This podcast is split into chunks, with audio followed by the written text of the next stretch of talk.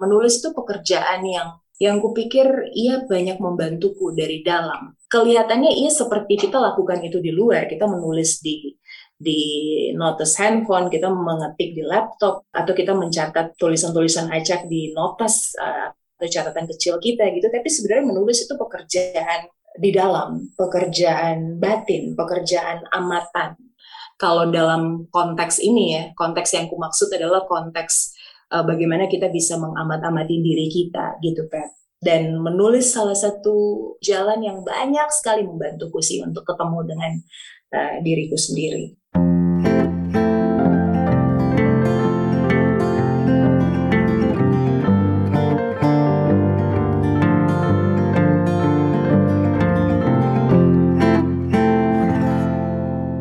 Halo, aku Peti dan kamu lagi dengerin podcast Main Mata yang berisi banyak hal seputar dunia buku.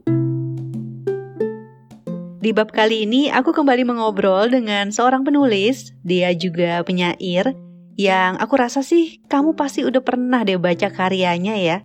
Entah itu di media sosial atau mungkin kamu juga udah mengoleksi bukunya nih. Dia adalah Teoresia Rumte yang di sini aku manggilnya Kak Teo.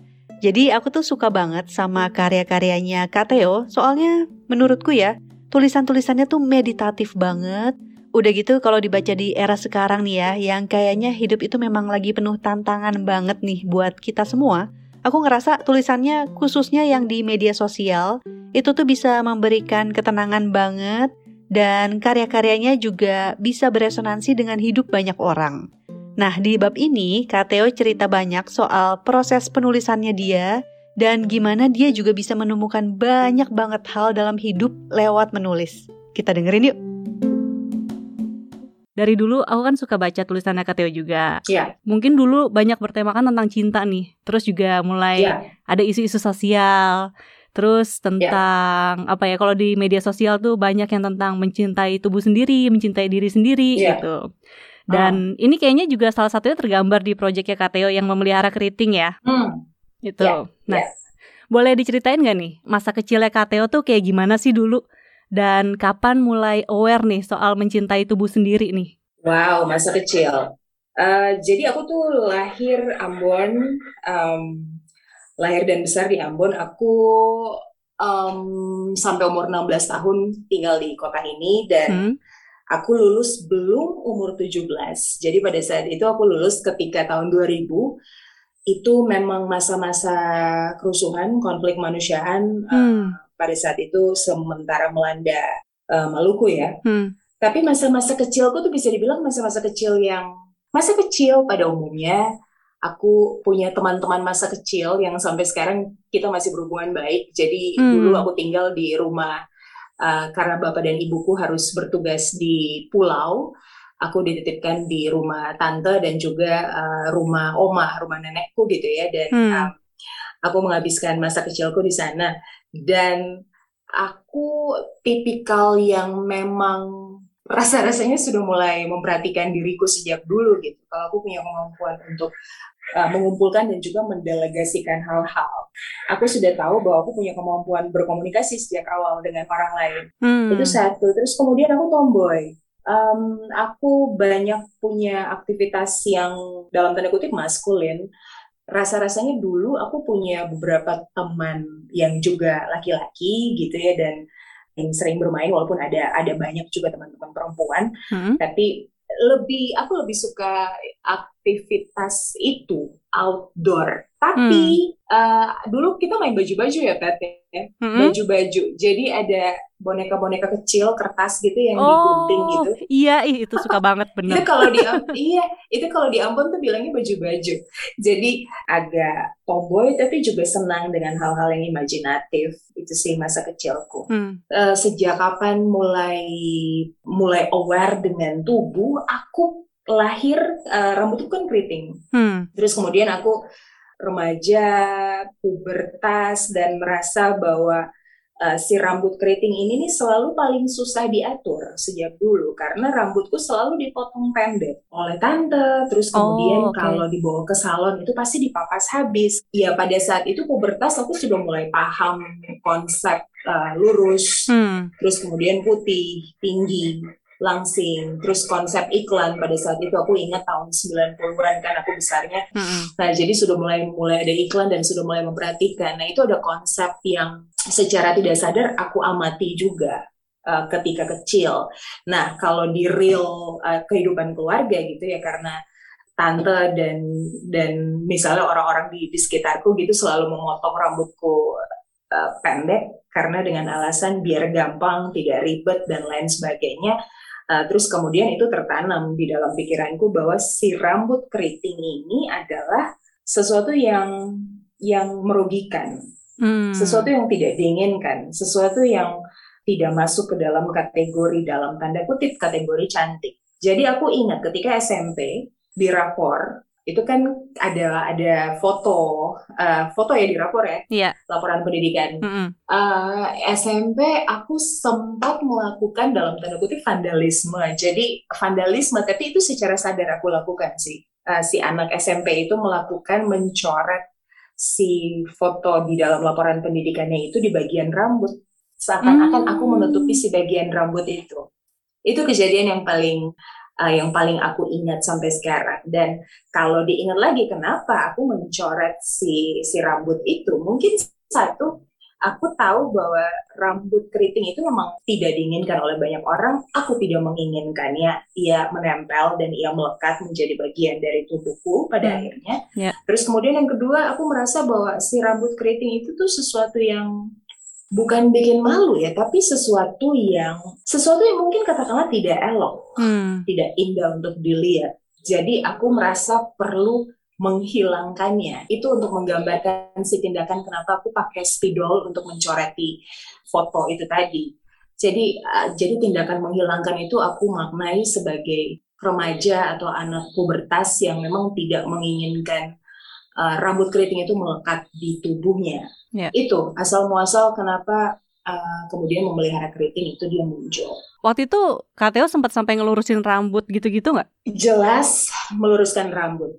Uh, Hmm. dan itu tuh aku ingat SMP. SMP kelas, mungkin sekitar kelas 1 naik kelas 2 gitu, itu pertama kali aku meluruskan rambut. Dan Hmm. meluruskan rambut itu kemudian aku pikir pada saat itu adalah sebuah solusi gitu. uh, supaya yang tadi kita sudah bahas panjang lebar ya. Hmm, hmm, Dan hmm. sebenarnya pekerjaan meluruskan rambut itu adalah pekerjaan yang sia-sia sih Iya. setelah setelah dipikirkan ke sekarang gitu dan Hmm. Uh, karena yang yang alami dan yang yang adalah dirimu sebenar-benarnya dirimu dia tidak akan menyerah dia akan tumbuh dan juga menunjukkan siapa dirinya dan aku pikir uh, itu itu metafora bagaimana kita mestinya lihat manusia ya bahwa seberapa gigihnya gitu. Kamu hendak menghilangkan bagian dari dirimu atau bagian alami dari dirimu ia tetap akan dengan gigih juga menunjukkan siapa dirinya. Dan uh, aku pikir bagaimana kita tidak melawan hal-hal yang alami di dalam di dalam diri kita tapi kemudian justru memberikan ruang seluas-luasnya atau sebesar-besarnya untuk kemudian mengizinkan uh, naturalitas atau mengizinkan kealamiahan dari dalam diri kita itu kemudian tumbuh dan menjadi besar dan dan menjadi bagian dari identitas kita yang mestinya kita pegang dengan dengan teguh gitu. Wah itu bagus banget sih, benar sih. Hmm. Kesadaran itu kapan tuh Kateo miliki ya? Maksudnya kayak ya nggak apa-apa berambut keriting karena memang ini identitasku gitu. Aku lulus belum 17 tahun, Pet. Aku merayakan uh, ulang tahun ke-17ku itu di Jogja karena aku lulus di tahun 2000 dan uh, konflik di Ambon di Ambon di Maluku baru pecah di tahun 2099. Hmm? Kemudian aku ikut kakak dan beberapa sepupuku yang sudah lebih dulu ke Jogja Hmm? uh, sempat kuliah uh, D3 di sana. Terus kemudian aku ke Bandung 2004. Hmm. Aku uh, dengan percaya dirinya tidak melamar. Aku menelpon ke beberapa kedua radio perempuan di sana untuk meminta mereka uh, kalau mereka punya lowongan Nah. untuk untuk untuk bersiaran untuk menjadi penyiar radio, aku mau siaran di sana. Oh. Dan singkat cerita, ada satu radio yang kemudian menerimaku, Sky 9050 FM Hmm. pada saat siaran radio itu uh, semua penyiarnya perempuan satu-satunya yang berasal dari Ambon Maluku hanya saya, hanya aku gitu yang yang siaran di sana. Terus kemudian pada saat itu kita masih masih zaman blog waktu itu kita menulis semua di blog hmm. karena karena tulisan-tulisan di blog itu kemudian dijadikan bahan inspirasi untuk siaran setiap hari dan kebetulan aku siaran juga setiap hari gitu ya dapat uh, acara reguler gitu. Ketika bersiaran itu rasa-rasanya semua orang memang merayakan dirinya semua teman-teman penyiarku yang perempuan itu mereka merayakan dirinya dan um, merayakan intelektualitasnya, merayakan hal-hal yang alami dari dalam dari dalam dirinya, merayakan dulu penyiar radio kan semakin uh, semakin bisa jujur, semakin bisa uh, bicara apa adanya dengan dengan pendengar itu rasa-rasanya kamu lebih lebih dekat gitu ya dengan yeah. pendengarmu dan um, di situ aku perhatikan bahwa teman-teman berani untuk menjadi dirinya. Nah, dulu kan kita sempat paham gitu ya, be yourself itu sempat jadi tagline gitu. Hmm. Apa sih sebenarnya be yourself itu uh, dia cuman jargon gitu. Tapi setelah memperhatikan teman-temanku itu, aku merasa ya mereka memang uh, memahami dan juga memaknai si jargon be yourself itu karena yang mereka tunjukkan adalah diri mereka. Setiap hari uh, aku bertemu dan juga berinteraksi dengan dengan mereka gitu. Hmm. Tadi kan Kateo sempat bilang zaman-zaman um, radio juga suka ngeblok ya. Hmm. Berarti mulai-mulai suka nulis tuh apakah dari zaman itu juga? Yes, betul sekali. Ah. Jadi kurang lebih kurang lebih 2005, 2000 2005 2006 uh, pada saat sebelum blog tuh ingat nggak dulu ini dulu banget ya. Jadi aku mesti kasih tahu bahwa dulu tuh ada yang namanya Friendster. Oh iya, tahu tahu tenang. dan, Kayaknya dan, katanya nggak yes. jauh beda. iya iya iya dan Friendster tuh ada ini ya ada kalau menulis panjangnya gitu kan sebelum hmm. kemudian kita pindah semua 2007 di Facebook gitu. Yeah, yeah. Tapi dulu ada Friendster masa-masa in between uh, di antara Friendster kemudian Facebook itu kemudian kita punya blog dan hmm. uh, Patty pasti masih ingat ya dulu tuh Multiply ada, ada Multiply sekarang udah nggak ada udah ditutup ya yeah. terus kemudian aku bikin blog uh, blogspot terus kemudian ada teman-temanku yang lain bikinnya Tumblr gitu dan hmm. tiga channel itu katakanlah yang jadi jadi wadah untuk bisa lebih ekspresif gitu ya dan menulis kemudian salah satu cara yang mau tidak mau aku mesti bilang bahwa uh, ia banyak membantuku untuk ketemu dengan diriku sendiri karena amatan-amatanku yang yang aku ceritakan ke Patty gitu dan kepada hmm. teman-teman semua itu ia berasal setelah aku banyak menulis dan aku banyak mengamat-amati diriku sendiri sih dari dalam. Nah, menulis itu pekerjaan yang yang kupikir ia banyak membantuku dari dalam. Kelihatannya ia seperti kita lakukan itu di luar, kita ya. menulis yeah. di di notes handphone, kita mengetik di laptop, kita mengetik uh, atau kita mencatat tulisan-tulisan acak di notas uh, atau catatan kecil kita gitu. Tapi sebenarnya menulis itu pekerjaan di dalam, pekerjaan batin, pekerjaan amatan. Kalau dalam konteks ini ya, konteks yang ku maksud adalah konteks uh, bagaimana kita bisa mengamat-amati diri kita gitu, Pat dan menulis salah satu jalan yang banyak sekali membantuku sih untuk ketemu dengan uh, diriku sendiri. Memang sih ketika aku baca tulisan-tulisannya Kateo, terutama sih puisinya ya. Gak tau ya apakah ini Kateo juga memperlakukannya sama, aku tuh ngerasa kayak lagi meditasi gitu. Hmm. Misalnya aku suka yang salah satu di buku puisi Selamat Datang Bulan yang judulnya Sembayang. Iya. Yeah. Itu aku suka banget. Aku bacain ya. Iya. Yeah. Untuk setiap pasang dan gelombang, jadilah tenang untuk setiap kehilangan, jadilah lapang. Aduh ini tuh rasanya bagus banget, relatable juga ya dengan kondisi kita saat ini. Mm. Um, waktu itu apa sih yang lagi dirasain nih ketika menulis? Wow, aku menulis uh, puisi kecil itu tuh ketika ada pesawat yang jatuh. Berarti ingat gak di tahun 2019 uh -uh. atau 2018 ya? Ada pesawat apa yang jatuh ya? JT kalau nggak salah, Lion Air. Benar, Lion Air. JT610. Ya, ya itu dia puisi pendek itu aku tujukan kepada uh, korban uh, korban jatuhnya pesawat dan puisi itu puisi pendek itu untuk mereka pada saat aku tahu bahwa ada pesawat yang jatuh dan kemudian berapa korban uh, ada anak-anak juga di dalam dan ia hmm. memang memang keluar begitu saja ya di puisi itu aku mau bilang bahwa satu manusia begitu terbatas manusia dekat sekali dengan kematian di mana kita akan sampai juga di titik kita akan selesai, kita akan berhenti, kita akan terbujur kaku dan tidak bisa hmm. tidak bisa menjadi manusia lagi gitu. Uh, dan kupikir ada rasa itu ketika ketika aku menulis dan um, hubungannya dengan membayangkan membayangkan korban jatuhnya pesawat. Tapi di sisi lain, aku merasa bahwa kematian itu memberikan ketenangan tersendiri kepada orang-orang yang sudah pulang ya. Karena kemudian mereka mereka selesai, mereka menyelesaikan hal-hal mereka di dunia dengan baik.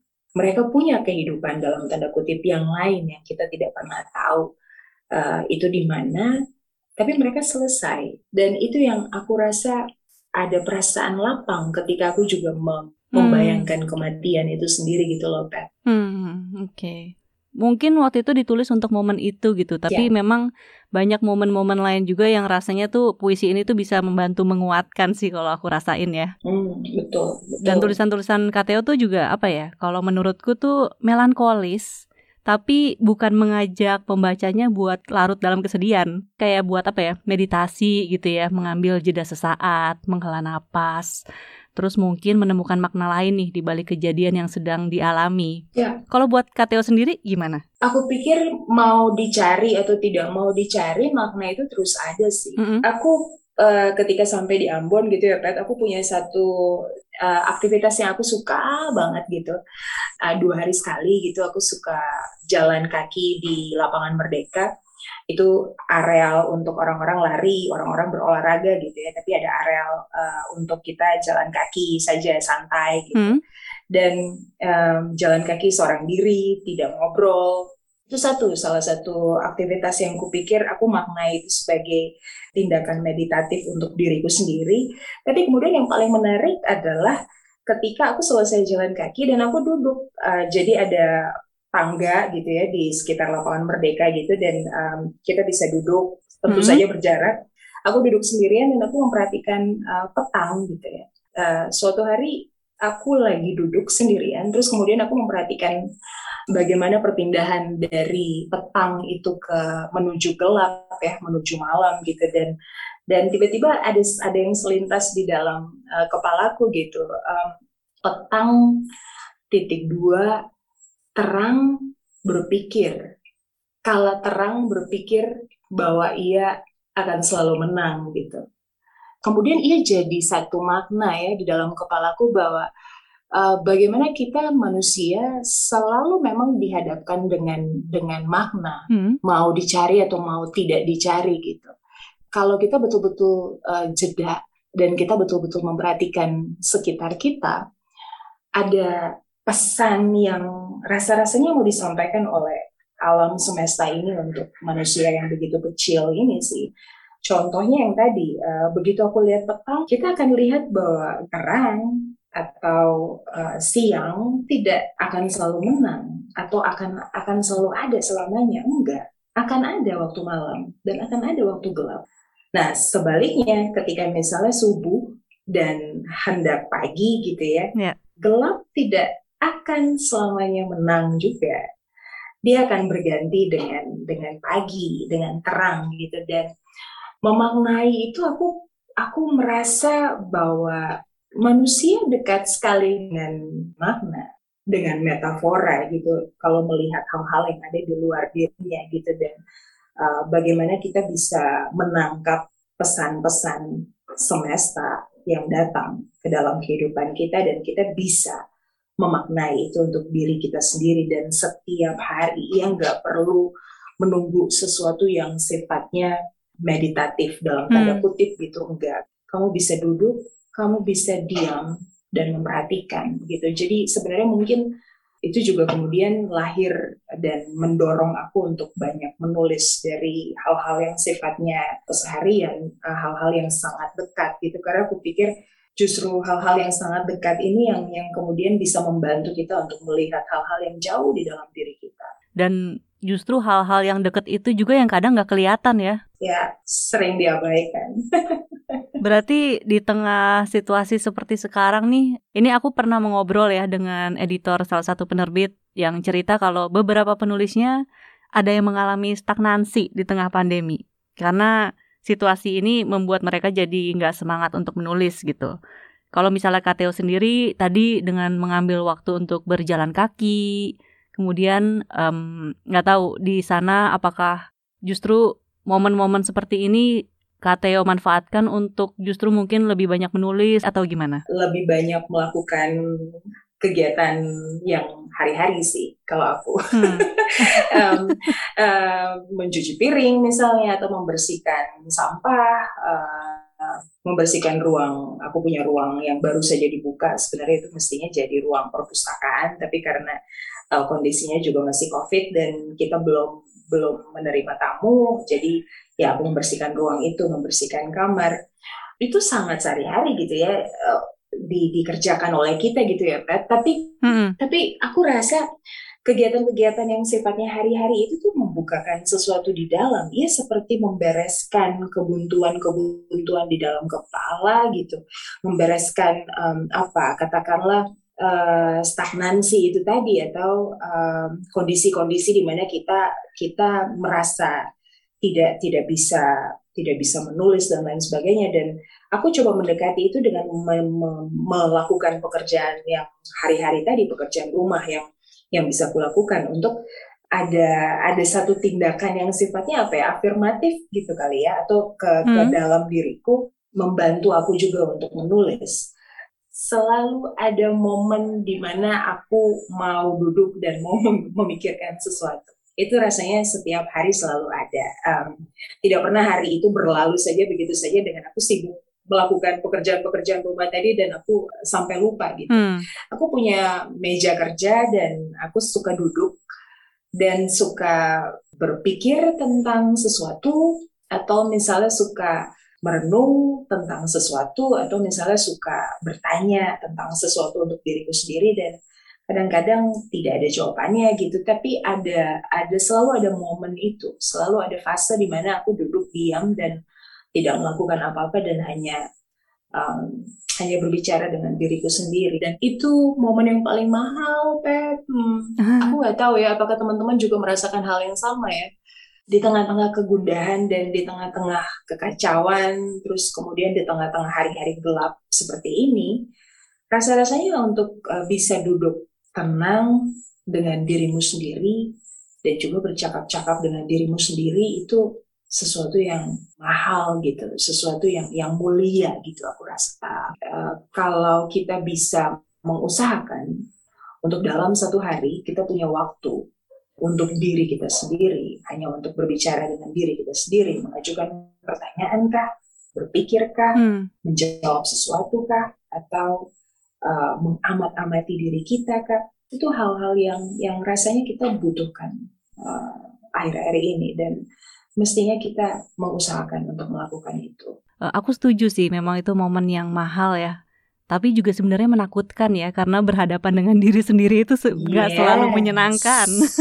yes, betul yeah. sekali, betul sekali dan dan di situlah kita bisa lihat bahwa pikiran-pikiran kita bisa sangat jahat sangat mm -hmm. jahat. Pikiran-pikiran kita yang merusak banyak sekali di dalam diri kita dan dan yeah. itulah kenapa kita kemudian punya empati terhadap perbuatan-perbuatan jahat yang dilakukan oleh orang lain karena semakin sering kita memperhatikan diri kita sendiri yang adalah manusia ini semakin mestinya kita punya empati atau rasa kepada orang lain yang melakukan perbuatan jahat. Bukan berarti kita menyetujui perbuatan jahat itu, tapi yang aku maksud adalah bagaimana kemudian kita bisa melihat dari berdiri di atas uh, sepatu mereka dan memakai sepatu mereka dan karena kondisi itu yang kemudian kita amati sendiri di dalam diri kita. Betul sekali itu sesuatu yang sangat menakutkan kurasa dan kalau rajin uh, memperhatikan dan mengamat-amati pikiran-pikiranmu sendiri di waktu-waktu tertentu, aku merasa kita semakin manusiawi dan semakin tidak menuntut orang lain untuk sempurna. Hmm. Jadi bagaimana menghadapi ketakutan-ketakutan itu aku pikir yang paling susah menurutku di, di sebelum kita menjadi cita-cita atau sebelum kita menjadi apa pun yang paling susah menurutku dan aku sudah menulis itu berulang-ulang kali, ulang-ulang kali. Hmm. Yang paling susah menurutku adalah menjadi manusia. Waduh dalam tuh. Iya benar sih. Hmm. Dari pikiran-pikiran itu yang berkelana ke mana-mana itu apakah memudahkan ketika atau mungkin me lebih melapangkan kali ya ketika KTO kemudian menuliskannya? Satu manfaat yang bisa diambil dari mengamat-amati diri kita sendiri dan juga berteman dengan ketakutan yang tadi Patty bilang, satu pertama aku lebih punya keberanian untuk mendekati diriku sendiri, itu satu. Kemudian yang kedua, aku bisa tidak berdusta kepada diriku. Ini yang kadang-kadang tidak agak sukar dipahami dengan uh, kalau kita selalu membicarakan bagaimana menulis dengan jujur, bagaimana hmm. uh, me me mengutarakan pikiranmu dengan dengan murni dan kejujuran. Kamu tidak perlu memanipulasi hal-hal karena kecenderungan kecenderungan kita kan kita ingin hanya mengeluarkan yang baik dari dalam diri kita kan. Hmm, um, yeah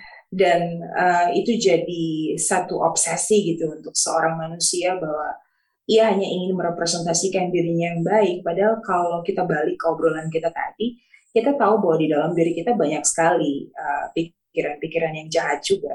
Nah hubungannya dengan bagaimana kita bisa mendekati diri kita dengan berani tadi dan merayakan uh, tadinya mungkin kita takut karena banyak kelana-kelana pikiran kita yang yang mungkin bikin kita tidak bisa kembali dan kita mesti mengamat-amatinya, gimana caranya bisa keluar dari pikiran ini dan lain sebagainya.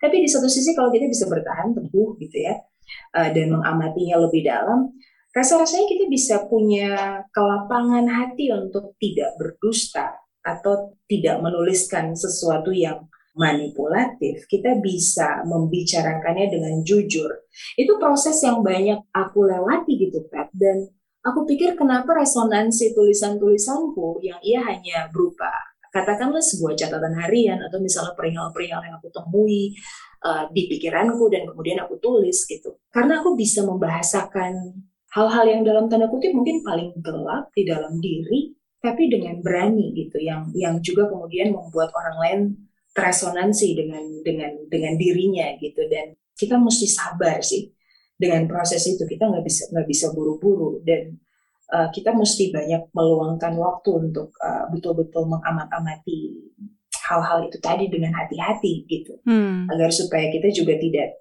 tersesat di dalamnya. Tapi kemudian kita bisa tahu ada jalan keluar. Kita bisa masuk kita bisa pergi gitu dan kita bisa pulang gitu.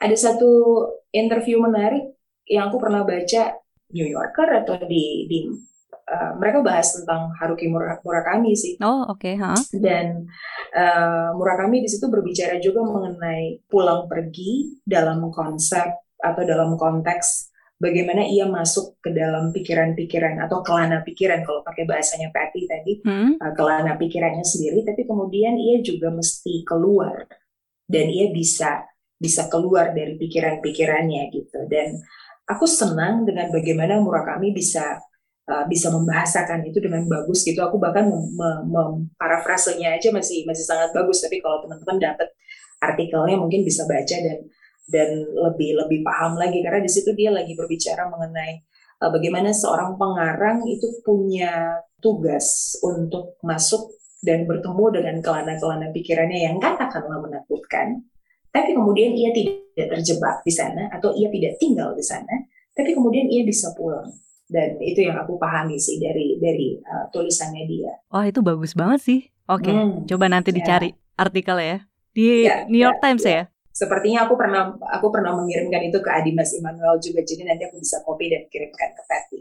Hmm. Oke okay, siap. Nanti aku taruh di caption juga deh di ini di podcast ya. ya. Jadi ya. yang mau tahu bisa langsung ngeklik.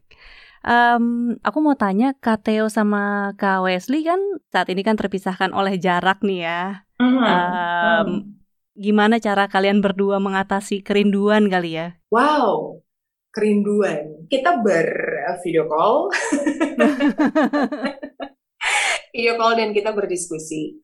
Uh, ada waktu-waktu di mana kita membicarakan uh, banyak sekali hal, banyak sekali hal di dalam diri dan uh, aku Wesley teman diskusi yang yang yang sangat baik dan sangat masuk akal gitu ya um, hmm. dibandingkan aku dengan pikiran-pikiran yang sangat melompat-lompat ke sana kemari gitu dan dia uh, ia cukup punya pikiran yang berjejak dan kupikir ya di situlah kenapa kita bisa saling membantu satu dengan yang lain sih untuk untuk melihat hal-hal lebih jernih lagi jadi ada ada bagian-bagian yang yang bisa kita diskusikan panjang lebar dan kayak kadang-kadang aku membutuhkan banyak sekali pikirannya juga untuk melihat hal-hal lebih jernih lagi.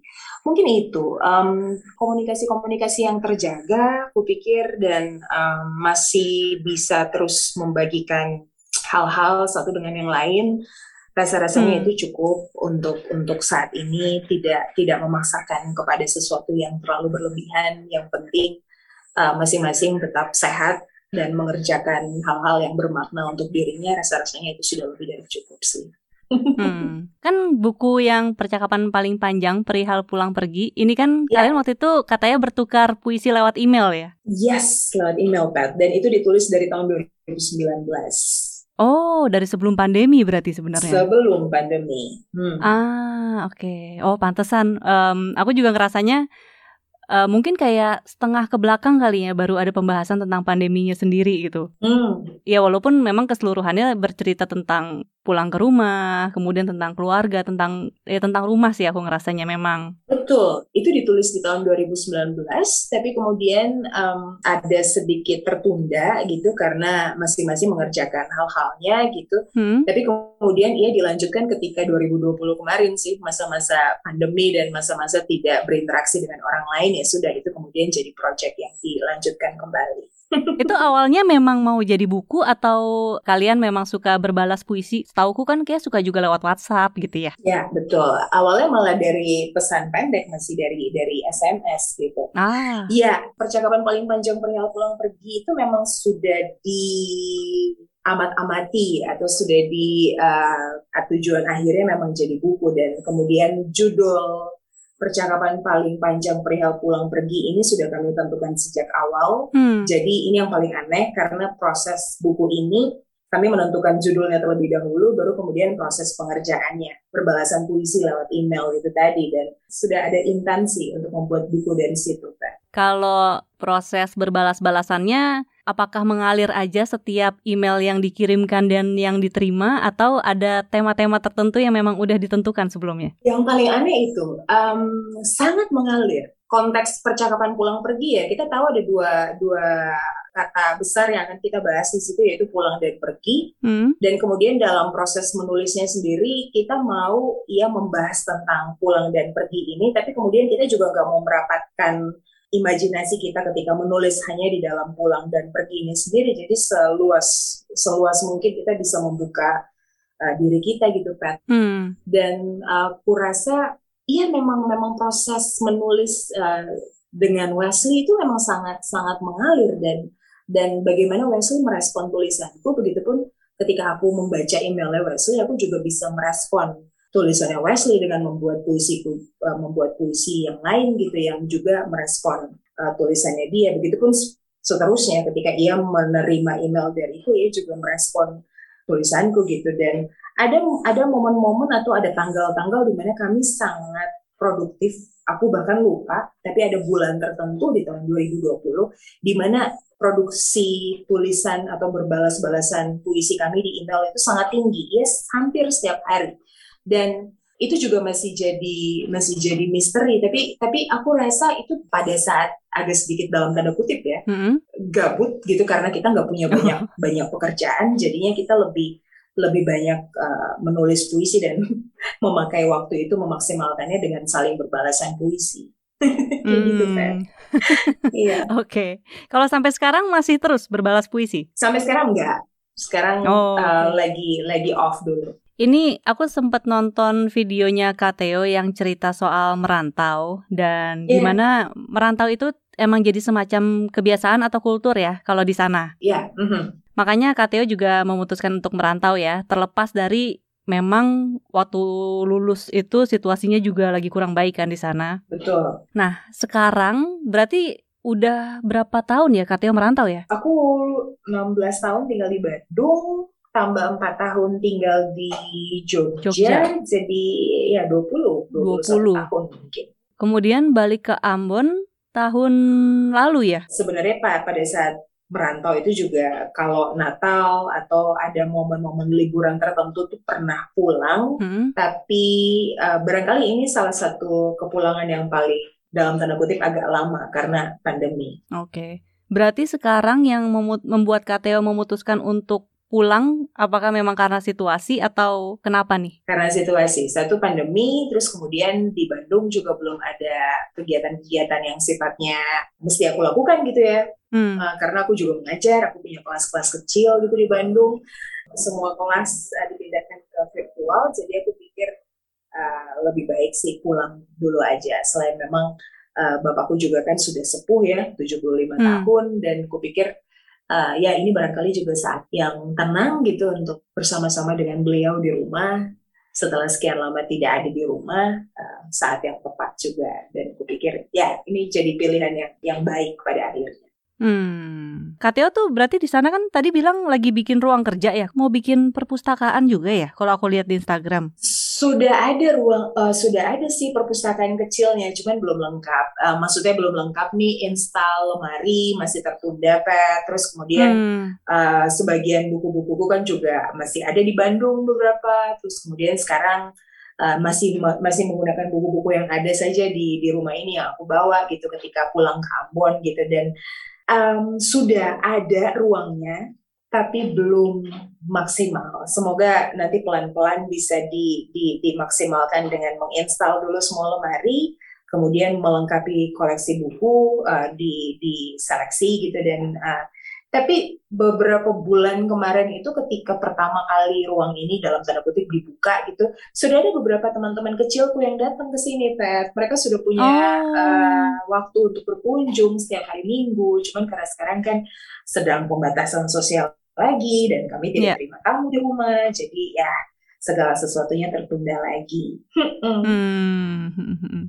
Ya mudah-mudahan nanti setelah ini mereda bisa dilanjutkan ya. Amin. Pengennya seperti itu supaya ada kegiatan juga. Berarti nih karena sudah membangun perpustakaan ruang ini berarti memang akan memutuskan untuk sementara berada di Ambon ya? Untuk sementara berada di Ambon dan untuk sementara coba memaksimalkan apa yang yang bisa dilakukan dan kupikir punya ruang uh, membaca atau misalnya ruang perpustakaan ya tidak muluk-muluk ya ya kemudian bisa jadi satu ruang alternatif saja sih supaya uh, bisa diskusi bisa membaca hmm. kawan-kawan kecil di sini mereka kalau datang mereka bisa mampir dan juga bisa uh, dekat dengan buku dan kupikir ya tidak muluk-muluk tapi barangkali ia bisa sedikit membantu. Hmm, gimana rasanya kepulangan paling lama ke rumah? Jadi gini, aku sempat melihat dan kayak kayak aku rasa kemudian orang-orang yang merantau, kalau tadi konteksnya merantau ya dan tinggal hmm. lama di luar gitu, lama dalam pengertian belasan tahun gitu atau misalnya puluhan tahun dia tidak lagi tinggal di kota kelahirannya gitu. Ketika pulang ada yang bergeser karena kemudian ia tidak merasa kampung halamannya kemudian adalah rumahnya lagi. Pengertian rumah untukku sempat uh, setelah aku pikir-pikir juga kemudian jadi jadi berubah. Barangkali rumah yang ku maksud atau misalnya pulang yang ku maksud apakah betul uh, aku pulang ke kota ini misalnya atau kota ini adalah rumahku atau misalnya rumah bapakku sekarang adalah rumahku gitu. Hmm. Um, dan itu sempat jadi jadi pertanyaan yang sampai sekarang juga masih belum bisa aku jawab gitu ya Pat ya. Tapi sempat ada sedikit pergeseran dan aku sempat juga uh, bertanya-tanya tentang itu untuk diriku sendiri. Hmm. Karena konteks atau pada kasus orang-orang yang kemudian uh, merantau, kalau bisa jujur aku selalu merasa Bandung adalah rumahku. Karena aku aku bertumbuh di sana, aku punya aku mencapai banyak hal di sana. Aku menjadi punya radio aku menulis di sana aku punya teman-teman aku punya komunitas aku punya kelas. Hal hal-hal pertama kali yang aku lakukan itu adalah di Bandung gitu misalnya dan uh, hmm. aku rasa ada sedikit pergeseran itu di dalam. Tapi barangkali kalau sekarang gitu ya misalnya kita lihat uh, pandemi terus kemudian sekarang mulai tinggal di rumah lagi dan berinteraksi dengan orang rumah nanti kita lihat pasti ada yang berubah lagi. Dan selalu seperti itu kan manusia. Iya. Iya iya benar. Iya iya selalu bisa menemukan menemukan hal-hal baru gitu lewat hal-hal yang ada di sekitarnya Makasih buat kamu yang udah dengerin obrolannya sampai selesai. Kalau kamu suka dengan obrolannya, aku akan berterima kasih banget jika kamu mau merekomendasikan bab ini atau podcast Main Mata secara keseluruhan ke teman-teman kamu yang suka baca buku atau suka nulis. Caranya bisa dengan share bab ini di media sosial, mau di Twitter, Facebook, Instagram, TikTok juga boleh, apa aja deh pokoknya. Terus kalau misalnya kamu mau kasih saran atau masukan juga bisa lewat DM di Instagram ke @potluckpodcast atau ke Instagramku di @patricia.wulandari. Kalau mau di Twitter juga bisa di @podcastpotluck atau di @patipatigulipat. Terus jangan lupa follow podcast Main Mata di Spotify dan subscribe juga channel YouTube-nya Potluck Podcast, namanya Potluck Podcast Network. Soalnya di situ aku juga suka berbagi rekomendasi buku yang gak ada di platform podcast lainnya. Segitu dulu bab kali ini, sampai jumpa lagi. Dadah!